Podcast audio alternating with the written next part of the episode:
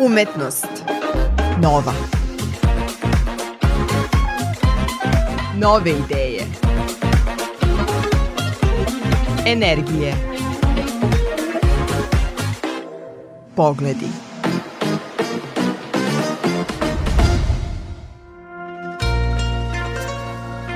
Dobar dan. Dobrodošli u novo izdanje serijala Umetnost Nova. Ja sam Ana Čupić, moj ovonedeljni gost je likovni umetnik Uglješa Colić. Tokom devet festivalskih dana Sterijinog pozorja nacrtao je seriju od skoro 200 kroki crteža, koji na neki način predstavljaju njegov likovni dnevnik intimnog i individualnog doživljaja onoga što je predstavljeno i dato publici. Doktor je likovnih umetnosti, do sad je imao 65 samostalnih i učestvovao na preko 70 grupnih izložbi. Urednik je i pokretač časopisa UPS, umetnost pre svega, koji predstavlja vid sinergije različitih umetnosti. Colićeve slike su ekspresivne, slikane širokim i slobodnim potezima, a građene su neposredno.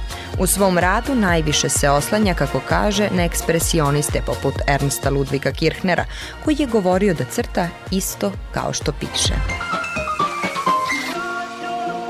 Kako nastaje umetnost iz umetnosti? Recimo za vreme predstava dok crtaš krokije, iz čega crpiš inspiraciju najviše? U pitanju je spoj doživljaja. Posmatrajući predstavu ja posmatram i glumce i njihove, njihovo kretanje na sceni. Ujedno doživljavam predstavu kao celinu u smislu da je to sklop i scenografije i kostima, ujedno i njihovih gestova, koje onda pokušavam kroz svoj neki gest i ekspresiju da osvedočim kroz likovni prikaz viđenog i doživljenog. Evo recimo jako je zanimljivo da u svetu digitalnog zapravo gde postoji fotoaparat, gde postoji e, fotografija koja je odma gotova, ne mora da se izrađuje. Mi smo za vreme ovog festivala imali to, da se tako izrazim, analogno hvatanje trenutka. Kako si ostao pri tom analognom? Kako, nisi, kako se nisi pripojio ovom digitalnom društvu? To je jedno izuzetno pitanje zapravo. Digitalno društvo ima neke svoje osobine i poseban način funkcionisanja i sistem u kome ono postoji, egzistira, dok je opet ovo što kažemo, jel, analogno i analogno jeste dobar izraz jer se temelji na nekom zanatskom u smislu likovne umetnosti, ali opet to je sad više neka dimenzija emotivnog gde imamo taj individualni prikaz. Ja verujem da sad e, više puta kada bih radio kroki crteža određenih predstava, više puta, rezultat bi bio drugačiji.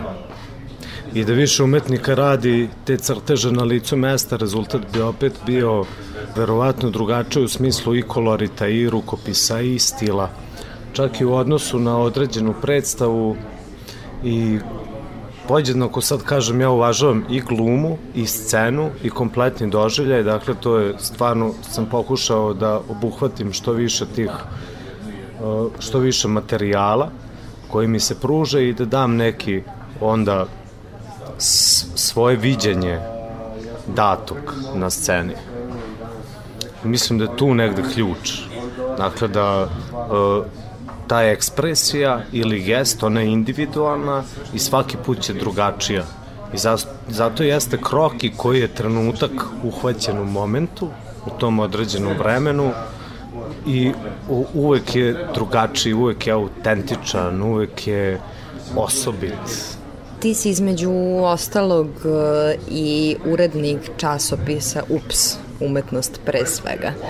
Šta je bila inicijativa za pokretanje tog časopisa? Pre svega nedovoljni, nedovoljna vidljivost umetnosti i umetnika, isto kao i to da ne postoji takva vrsta časopisa u nas. u, na, u Srba. da, u nas, tako da to je spoj likovne i muzičke dramske umetnosti, svaki taj broj časopisa je temat, bavi se određenom tematikom, dakle svaki broj i zaista je nek, neki vrsta, odnosno vid sinergije različitih umetnosti i književnosti, i dramske, i likovne umetnosti, i muzičke umetnosti. To je ono što je zaista pravi kvalitet upsa. I upravo zbog toga to je jedan od razloga, drugi od razloga je afirmacija i popularizacija i mladih umetnika i umetnosti uopšte, kao i nekih davno zaboravljenih umetnika koje sad iznova iznova otkrivamo, a koji su negde ostali tako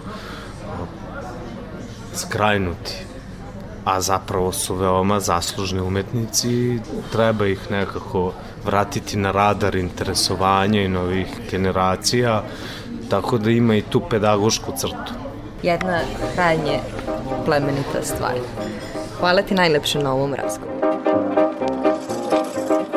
Slušali ste likovnog umetnika Uglješu Colića u emisiji Umetnost Nova. Prijatan dan želi vam Ana Čupić.